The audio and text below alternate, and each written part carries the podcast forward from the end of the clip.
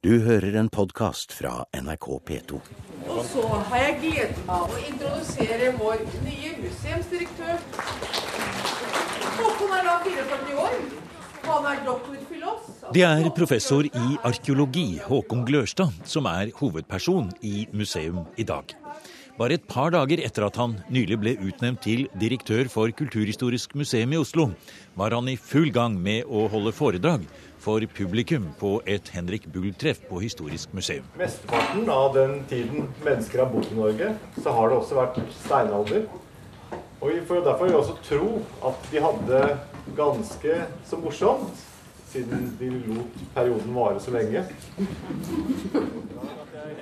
Det gode liv i steinalderen er nok noe mange arkeologer har fortalt om tidligere.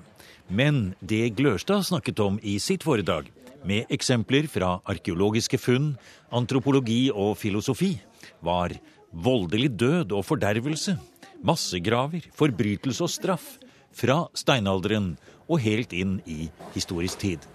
Her er altså disse fryktelige myrlikene, som er veldig fascinerende å se på. Og som stort sett alle viser en, eh, en voldelig død. Dette er en tradisjon som er veldig lang. Det er ikke bare en bestemt periode. Jeg har tatt tre bilder her som viser tre veldig forskjellige perioder. Det er bronsealderen. Vi ser nederst der, En person som har fått slått inn skallen og så kastet ut i myra. Så har vi Graubalemannen fra jernalder, som da er, eh, har fått strupen skåret over. Men så har vi også dette, dette myrliket fra, fra, Halland som heter Bokstensmannen, som er fra middelalderen. Som også er interessant, fordi eh, det er jo den periode hvor de var, eh, hvor de var kristne i Sverige.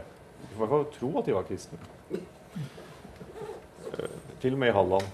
Men likevel så har de da tatt denne personen og kastet ut i myra, drept og kastet ut i myra. Men bare for å toppe det hele har de også tredd flere peler gjennom personen. Akkurat sånn som de gjør i vampyrfilmene for å hindre at de går igjen. Og Det er akkurat det man tenker seg her òg. Dette er en person man har ikke ønsket skulle komme tilbake. Så for å holde vedkommende i, i myra har de satt en pæl gjennom han. Så vi ser at gjennom Nordens historie og forhistorie er det mange eksempler på at forbrytere behandles på denne måten, slik som denne jenta fra fallbygden. De blir drept og kastet ut i myra. Det er ikke, dette er en form for straff. Det er ikke den måten man behandler folk på til vanlig. Det å være opptatt av forbrytelse og straff er den naturligste ting av verden, sier Glørstad. For faget til en arkeolog er ikke læren om steinøkser og vikingsverd. Arkeologi er vitenskapen om samfunn og mennesker gjennom tidene, sier han. Og det kan vi kanskje også se på som en slags programerklæring fra den nye direktøren ved Kulturhistorisk museum i Oslo, når han nå i februar 2014 ble sjef for et av de aller største museene i Norge, og som hvert år blir besøkt av rett i underkant av en halv million mennesker. Vi skal be den nye direktøren å komme tilbake til forbrytelse og straff i steinalderen. Men først vil vi høre litt om hva Glørstad ser som framtiden til Kulturhistorisk museum, og ikke minst gratulere med den nye stillingen. Mange takk. Du ser ut som dette er en jobb du gleder deg til. Ja, dette ser jeg fram til. Det skal bli en utfordring, men det skal bli en god utfordring. Så det, dette gleder jeg meg til. Vi står nå inne på kontoret ditt eh, her i Oslo og ser opp på hyllene dine her. Og her står jo hele livet ditt i sånne brune bokser med eh, sånn eh, skrevet utenpå med sort tusj. vet du, Diverse Svinesund, E18, korrespondanse, styre, Forskningsrådet, Mesolitikum utland, politikk og arkeologi. Ja, norsk eh, neolitikum. Der står livet ditt, Håkon. Ja, det gjør det. Det jo, viser jo det at gjennom hele min akademiske karriere så har jeg hatt to hovedinteresser. Det har jo vært forskningen selv, og gjerne da steinalderforskning. Men det har også handlet om organisasjonsutvikling. Hvordan skal vi skape det gode rammeverket for å drive med god forskning og god formidling og god forvaltning. Det har vært veldig viktig for meg, for jeg ser gjennom mitt, eh, mitt arbeidsliv at de to tingene henger veldig, veldig tett sammen. Så for å få til uh, våre faglige mål, så må vi tenke videre Både organisatorisk og mer visjonært om hvordan vi ønsker å utvikle Kulturhistorisk museum som organisasjon. Og nå, eh, fant, Jeg fant veldig godt tonen med vår forrige direktør, Rane Willerslev. Vi delte mange av de samme ideene om hvordan vi skulle utvikle museet videre. Så jeg føler at jeg nå er i en, i en, posisjon og situasjon der jeg ønsker å ta det grunnlaget som eh, Rane var med på å skape, sammen med resten av museet, ta det videre og realisere det fullt ut, så at vi nå i løpet av årene som kommer, kan få realisert den visjonen som, eh, som eh, hele museet nå har om hvordan framtiden skal bli. Ja, La oss gå bare rett inn i det. Det som de første kaller for Historisk museum, den flotte bygningen som ligger i Oslo sentrum. Eh, innholdet i den, Håkon, er det litt eh, stivnet og gammeldags? Ja, det er klart det er det. Utstillingene der har jo ikke vært fornyet på veldig mange år, og de gjenspeiler jo en annen tid, en annen måte å tenke både arkeologi, antropologi, men også hvordan man tenker utstillinger. Så her er det en stor jobb som må gjøres med å fornye det. Ja, Men hvordan skal man tenke utstilling da, i nær sagt vår tid? Det vi er opptatt av, og som skal være vårt preg på, på, utstillingsvirksomheten, er jo at vi ønsker ikke å, å drive utstilling av ferdig tenkte forskning. Utstillingsvirksomheten selv, arbeidet med utstillinger, skal være en forskningsarena, en kunnskapsarena, der vi trekker inn andre fagligheter andre disipliner og jobber sammen om resultater som gjør at vi kan få innsikter og, og opplevelser som vi kanskje ikke ville fått hvis vi hadde bare drevet med, med skrivebordsforskning eller veldig streng, eh, strenge akademiske sysler innenfor vårt eget fagfelt. Mm. Så det er dette potensialet for å trekke inn forskjellige fagligheter, trekke inn forskjellig kompetanse i arbeidet med utstillingene, som vi ønsker å, å bearbeide videre, utvikle, slik at også utstillingsvirksomheten vår skal få et, et kunnskapselement ved seg. Mm. Publikum skal lære noe og ha det fint, men vi skal også lære noe av ja. prosessen. Eh, ja, eh, så er det jo også sånn at eh, når man tenker på det å gå rundt i Historisk museum i dag, så ser man jo også da en liten del bare av museet. For en stor del av museet, slik som det fremstår for publikum i dag, er stengt for publikum. Det var tenkt helt annerledes. Og det finnes utstillingssaler oppover i etasjene som i dag blir brukt til fotolaboratorium, kontorer og mange andre ting. Ja, det er riktig. Altså, vi har jo, I årene som kommer nå, så har vi store utfordringer, spennende utfordringer med byggesak og utvikling av Bygdøy. Men også hvordan vi skal utvikle Tullinløkka og Historisk museum videre. For min idé er jo at eh, som du påpeker, så er jo bygningen nå ikke i den stand som vi ønsker at den skal være. Den må rehabiliteres, og vi må også ta tilbake en del av de arealene som nå brukes til andre ting. og Det skal tilbake til, til utstillinger og til publikum. Men min idé er jo at dette arbeidet skal ikke være avstengt fra publikum og fra opplevelse. Vi skal jobbe med utstillinger, vi skal jobbe med formidling også i den eh, fasen hvor vi rehabiliterer og, og, og, og setter opp igjen eh, Historisk museum i sin fordumsprakt. Og Hvordan vi skal få til det, blir veldig eh, et veldig spennende prosjekt. Men her kan man også tenke kreativt. Vi Utstillingen som står der, er som du sier, de, de, gjenspeiler en annen tid og er ikke representative for hvordan vi tenker nå. Men kanskje arbeidet med å ta utstillingene ned kan generere nye, mindre utstillinger. Eh, selve eh, prosessen vil skape nye ideer om ja, hvordan skal vi bygge dette opp igjen. Arbeidet med rehabilitering av noen saler kan åpne muligheter til å lage helt nye utstillingskonsepter i andre deler av museet. Og Det er den dynamikken det blir veldig viktig å få til. Det, ikke, det betyr ikke at, har, at, at, folk nødvendigvis har gjort en dårlig jobb, men vi har hatt et fokus på at forskningen eh, skal stå i sentrum ved Kulturhistorisk museum. Det skal den fremdeles gjøre, den skal være viktig. Men den forskningen skal jo også i mye større grad i framtiden nå ta utstillingen og utstillingsvirksomhetene inn i seg og bruke de aktivt til ny kunnskap og nye opplevelser for publikum. Mhm. En stor og viktig del av Kulturhistorisk museum i Oslo det er jo Vikingskipshuset. Og Det ligger der ute på Bygdøy i sin fantastiske flotte form, slik som Brøgger og alle hans ildsjeler den gangen skapte det. Han pantsatte som da direktør sitt eget hus for å få penger til å bygge det. Eh, det har vel ikke du tenkt å gjøre, regner jeg med, for å komme i gang med neste byggetrinn. Men noe må jo skje der ute. For det første, er du glad for at eh, skipene ikke skulle flyttes? Og for det andre, hva ser du for deg der ute? Jeg er veldig glad for at vi har fått en klar og tydelig avgjørelse på hele den saken. Og at vi nå har gode og faste rammer å jobbe innenfor. Og Det som skjer nå, er jo at eh, Kunnskapsdepartementet har bedt Statsbygg starte opp en prosess der man skal eh, nå ha en arkitektkonkurranse. Der man gjennom et, eh, de visjonene og de kravene universitetet har til hvordan vi ønsker å bruke Vikingmuseet, skal, skal, lage tegninger for hvordan et, et, nytt museum skal være. Og så går byggeprosessen videre med det utgangspunktet. Så dette er en prosess som ikke ligger i framtiden. Dette er en prosess som har allerede startet opp, og som er, nå er ute og ruller. Eh, hvis vi nå beveger oss litt videre på den tankenstrømmen som du har lagt opp til her nå, nettopp dette altså at det er ikke gjenstandene i seg selv, men det er forståelsen av dem. Det er hva kan vi moderne mennesker i dag eh, på en måte komme på av ny eh, viten, forskning om fortiden som vi kanskje blir overrasket over, og som vi blir begeistret for når man går inn i museet i fremtiden, eller følger med på de forskningsprosessene som dere har, så er jo du som steinalderekspert inne på en veldig spennende vei akkurat nå, syns jeg. Du har kastet deg over og filosofert litt rundt jeg hadde nesten sagt 'hvem er vi som mennesker'? For mesteparten av tiden menneskene har vært på jorden, så har det jo vært steinalder, eh, som du sier noen ganger.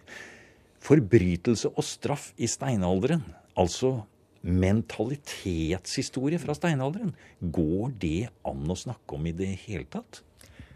Absolutt. Men vi kan kanskje ikke snakke om det på samme måte som filosofene snakker om det, eller samfunnsviterne, men ut fra et arkeologisk eh, ståsted så kan vi gjøre det. For dette handler om hva arkeologien som vitenskap egentlig skal være. Det skal ikke være vitenskapen om steinøksene og vikingsverdene. Arkeologien er vitenskapen om samfunnet og mennesket i, i, eh, gjennom tidene. Og det er klart at god vitenskap skal stille de generelle spørsmålene og skal prøve å si noe allment om hva menneske og samfunn er. Det skal arkeologien også. Og Det gjør jo det at vi, vi har et krav på oss som forskere. At vi må løfte blikket, vi må ha visjoner. Vi må tørre å holde en vitenskapelig eh, debatt på et mer allment nivå enn akkurat dette her med typologi og, og, og vikingsverd. Når man ser på skjelettmaterialet som vi har fra steinalderen, så er det én ting som er veldig påfallende. Og det er det at veldig få av skjelettene har sluppet skadefri gjennom hele livet som levende menneske. Alle, så godt som alle skjelettene har spor etter skader. Det kan være brudd på armer og ben og ribbbein osv. Det kan være Det er professor i arkeologi og direktør ved Kulturhistorisk museum i Oslo, Håkon Glørstad, som forteller om steinalderens forbrytelse og straff i museum i dag. Kildene er få og må tolkes. Og det er ikke så lett å vite hva som egentlig skjedde for 4000-6000 år siden, selv om skjelettmaterialet arkeologene finner, bærer tydelig preg av vold og unaturlige dødsårsaker. For dette er ting vi ikke kan ta for gitt. Hvis vi finner et skjelett fra steinalderen som er drept på voldelig vis, hvordan kan vi vite at det er en forbrytelse? Det kan jo like gjerne være et produkt av, av krigføring og kamp mellom forskjellige grupper. og Da er det jo ikke sikkert at, at det blir oppfattet som en forbrytelse å ta livet av et annet menneske. Akkurat på samme måten som det er i krigføring i dag. Mm. Så hvordan kan vi bruke de arkeologiske kildene til å si noe om om en slik forestilling som dette med forbrytelse og straff egentlig er, i en veldig fremmed og annerledes kontekst som, som steinalderen er. Det stor, har vært en stor utfordring. Men samtidig, Det er en annen kontekst, sier du. Men samtidig, forbrytelse og straff, menneskenaturen. Eh, altså dette med å være opptatt av kunst, kultur, sang, musikk, rett og galt, eh, eh, kjærlighet og sorg. Alt dette var jo selvfølgelig like fullt til stede i det vi kaller for steinalderen, hele denne mange tusen år lange perioden, som det er i dag. Derfor så sier du vi kan se på forbrytelse og straff. Vi kan se finnes det noe evig tabu? Er det en forbrytelse som man til alle tider ville straffe? Og det er en sånn forbrytelse nettopp i et jeger- og sankersamfunn. Nettopp i steinaldersamfunnet, som du har på en måte isolert. Ja, altså Det som var mitt poeng, var det at dette incesttabuet er jo veldig universelt. Det fins i alle samfunn og kulturer. Og hvorfor er det så universelt, spør jeg. Og det, Man kunne gi et enkeltsvar og si at det handler om innavl.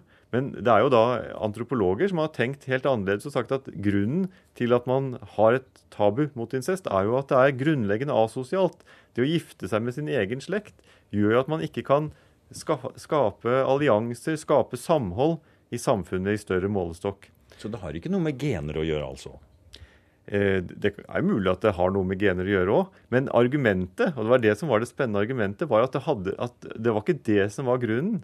Men grunnen var rett og slett at mennesket er et samfunnsvesen, et menneske, et moralsk vesen, og derfor har, har eh, en grunnleggende disposisjon mot det å skape allianser med andre mennesker for å knytte samfunnet sammen i større enheter. Og den beste måten å gjøre det på er nettopp gjennom ekteskapsallianser. Ja, du pekte på disse byttenettverkene som kjennetegner hele steinalderkulturen. I hvert fall før det blir jordbruk. Mm. Og det er jo andre arkeologer som har kalt uh, jordbruket for den største katastrofen i menneskehetens historie når den inntraff, for da forandret alt seg. Men i hvert fall før det så var det jo byttenettverkene. Og da har, sier du at bytting av ektefelle er kanskje den viktigste byttetingen som, eh, som de drev med. Ja, jeg tror det. Vi ser jo det i de arkeologiske kildene, at hele Nord-Europa integreres av store byttenettverk. Der de bytter ting vi kan påvise arkeologisk. Steinøkser, smykker, forskjellige råmaterialer osv.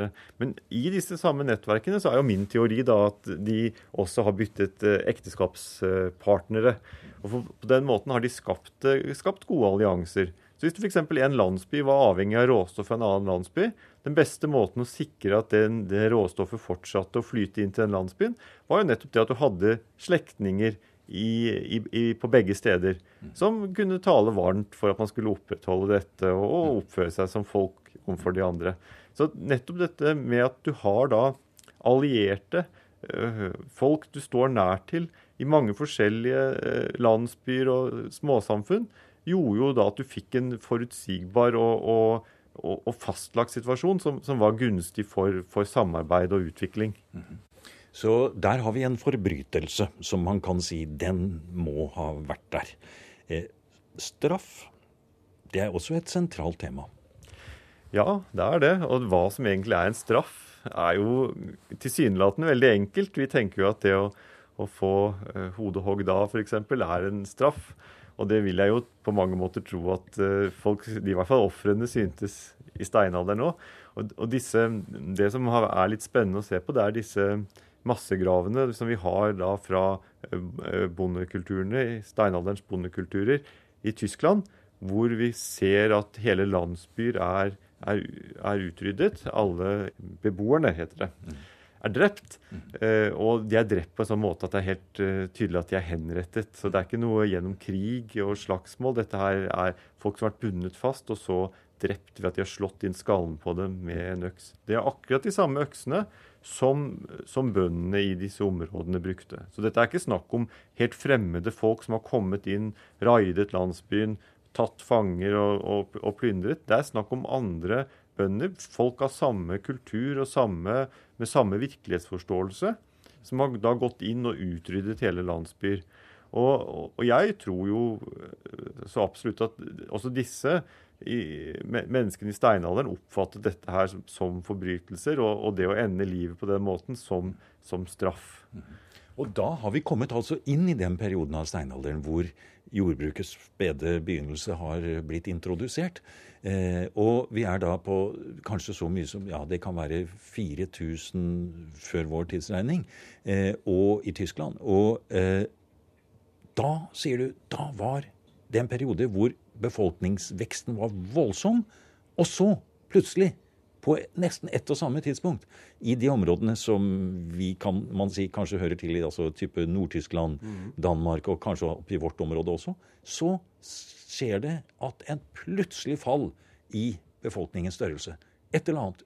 Samfunnet er under sterkt press. Ja, det er jo Disse jord, første jordbrukerne som kommer innover på, i, i, Europa, de, er jo, eh, de har en sånn livsform der de sakte, men sikkert sprer seg utover større områder. For Med jordbruket så får du mye mer mat, og det gjør at du kan ha mye mer unger som overlever, og befolkningen vokser.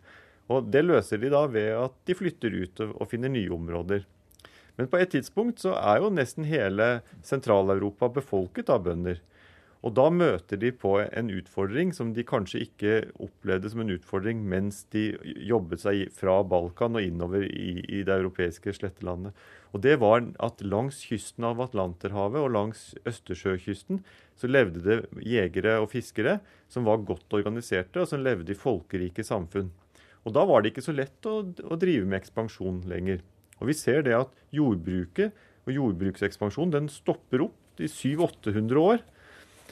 Og Det er, kan rett og slett ha sammenheng med at, at, disse jegersamfunnene var så godt organisert og sterke at jordbrukerne greide ikke å trenge lenger, lenger nordvestover. Så det er tydelig at her har det vært et samfunn i krise. De har ikke greid å løse utfordringene som, som samfunn i stort. Og så har man henfalt da til, til krigføring og massakre og den slags uh, ting isteden. Og vi ser jo også det på de arkeologiske kildene, at det ser ut som befolkningen kollapser fullstendig. Og at vi da går inn i en periode i Europa, i, i Tyskland, Polen der omkring, med veldig lav befolkningstetthet. Og så går det mange hundre år før befolkningen bygger seg opp igjen.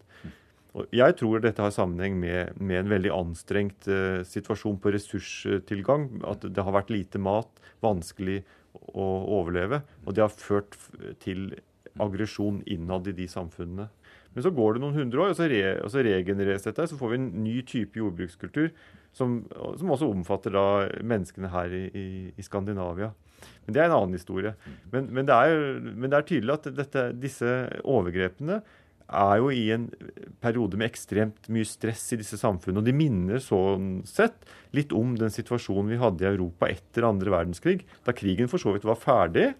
Og man skulle tro at nå kunne freden senke seg, men der vi isteden ser at eh, det gir grunnlag for en rekke overgrep mot sivilbefolkningen eh, som, som, eh, som, da går mange usikre og vanskelige år i møte. Og Det hadde jo rett og slett sammenheng med at verdenskrigen hadde ødelagt alle samfunnsinstitusjonene i disse landene. De hadde ikke lenger et oppgående øh, rettsvesen. Matforsyningene var usikre, man hadde ikke medisiner. Og alt dette førte da til at, at uh, veldig asosiale tendenser uh, spredde seg i, i samfunnene. Dette er veldig spennende, syns jeg, Håkon. Hvordan enkelte skjelettfunn, hvordan eh, på en måte tidligere funn som er gjort for seg, og hvor forskerne har studert akkurat det spesifikke funnet, hvordan man kan sette sammen mange typer funn innenfor samme funnkategori, se det, hva som foregår i de forskjellige periodene, hvordan man kan danne seg et bilde av en helhet. Vi kan kikke inn i fortiden på en helt bestemt måte. Og vi blir nesten sjokkert over å tenke over at det er jo likhetstrekk her. Det er jo Man kanskje tenkte omtrent som vi tenker i dag. Vi er de samme da eh, som nå, nesten. Og i ditt eh, spennende foredrag om dette så trakk du frem dette mot slutten, dette med hva er egentlig mennesket for noe? Hva er egentlig vi nå? Er vi i bunn og grunn onde så snart vi har muligheten til det?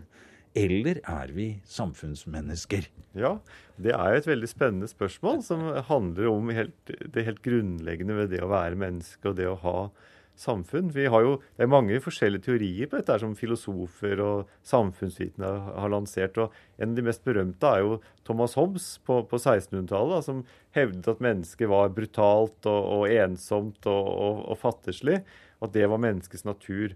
Og Det var kun da gjennom gjennom samfunnspakten at, at, man var i stand til å overkomme den, eh, de, dette veldig sørgelige utgangspunktet. Men så har du andre, da, f.eks. som Rousseau, som tenkte på urtilstanden som en, en, mye mer fredfull og lykkelig tid. Og i, kanskje i den forlengelsen så har du jo tankene til en av de store sosiologene, Emil Durkheim, som nettopp tenkte seg at samfunnet var en, en moralsk sammenslutning. Og det å leve, mennesket var i bunn og grunn et moralsk vesen et, et vesen som ønsket eh, samfunn, og som ønsket eh, moralske, moralske relasjoner mellom mennesker. Og jeg tror jo personlig at Durkheim har mye mer rett enn det Thomas Hobbes hadde. For Vi ser jo det i disse arkeologiske kildene at, at det, er ikke, det, er ikke, slik at vold og, og, og overgrep er fullstendig borte. De, de, er jo der.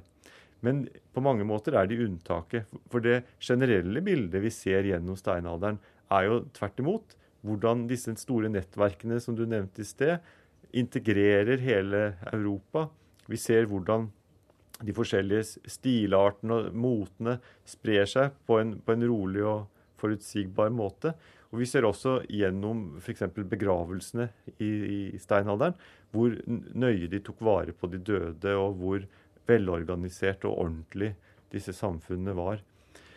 Så, så, så disse massegravene for eksempel, som vi finner i Tyskland, de er i mye større grad unntaket og ikke normalen for hvordan menneskene oppførte seg i steinalderen. Du har nå hørt en podkast av programmet Museum fra NRK P2. Send gjerne en e-post til museum krøllalfa nrk.no.